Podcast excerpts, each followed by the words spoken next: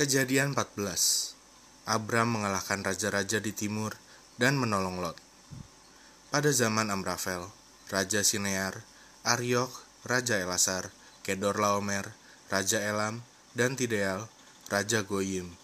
Terjadilah bahwa raja-raja ini berperang melawan Bera, Raja Sodom, Birsya, Raja Gomora, Sinab, Raja Atma, Semeber, Raja Zeboim, dan Raja Negeri Bela, yakni Negeri Zoar.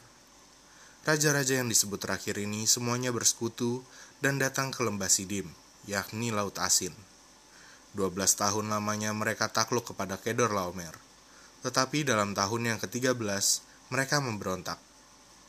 Dalam tahun yang ke-14, datanglah Kedor Laomer serta raja-raja yang bersama-sama dengan dia, lalu mereka mengalahkan orang Refaim di Asiterot Karnaim, orang Zuzim di Ham, orang Emim di Syawe Kiryataim, dan orang Hori di pegunungan mereka yang bernama Seir, sampai ke Elparan di tepi padang gurun. Sesudah itu baliklah mereka dan sampai ke En Mispat, yakni Kades, dan mengalahkan seluruh daerah orang Amalek dan juga orang Amori yang diam di Hazezon Tamar. Lalu keluarlah raja negeri Sodom, raja negeri Gomora, raja negeri Atma, raja negeri Zeboim, dan raja negeri Bela, yakni negeri Zoar, dan mengatur barisan perangnya melawan mereka di lembah Sidim, melawan Kedor Laomer, raja Elam, Tideal, raja Goyim, Amrafel, raja Sinear, dan Ariok, raja Elasar. Empat raja lawan lima. Di lembah Sidim itu di mana-mana ada sumur aspal. Ketika Raja Sodom dan Raja Gomora melarikan diri, jatuhlah mereka ke dalamnya, dan orang-orang yang masih tinggal hidup melarikan diri ke pegunungan segala harta benda Sodom dan Gomora beserta segala bahan makanan dirampas musuh. Lalu mereka pergi. Juga Lot, anak saudara Abram, beserta harta bendanya dibawa musuh. Lalu mereka pergi. Sebab Lot itu diam di Sodom. Kemudian datanglah seorang pelarian dan menceritakan hal ini kepada Abram, orang Ibrani itu, yang tinggal dekat pohon-pohon tarbantin kepunyaan Mamre, orang Amori itu saudara Eskol, dan Aner, yakni teman-teman sekutu Abram.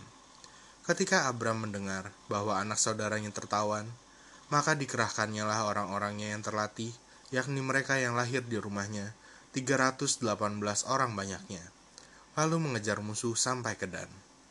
Dan pada waktu malam berbagilah mereka, ia dan hamba-hambanya itu, untuk melawan musuh. Mereka mengalahkan dan mengejar musuh sampai ke Hobah, di sebelah utara Damsyik.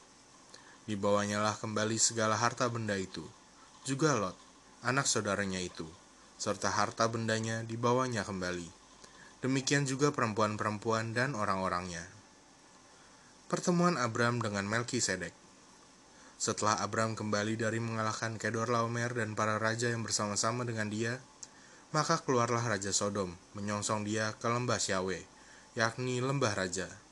Melkisedek, Raja Salem, membawa roti dan anggur. Ia seorang imam Allah yang maha tinggi.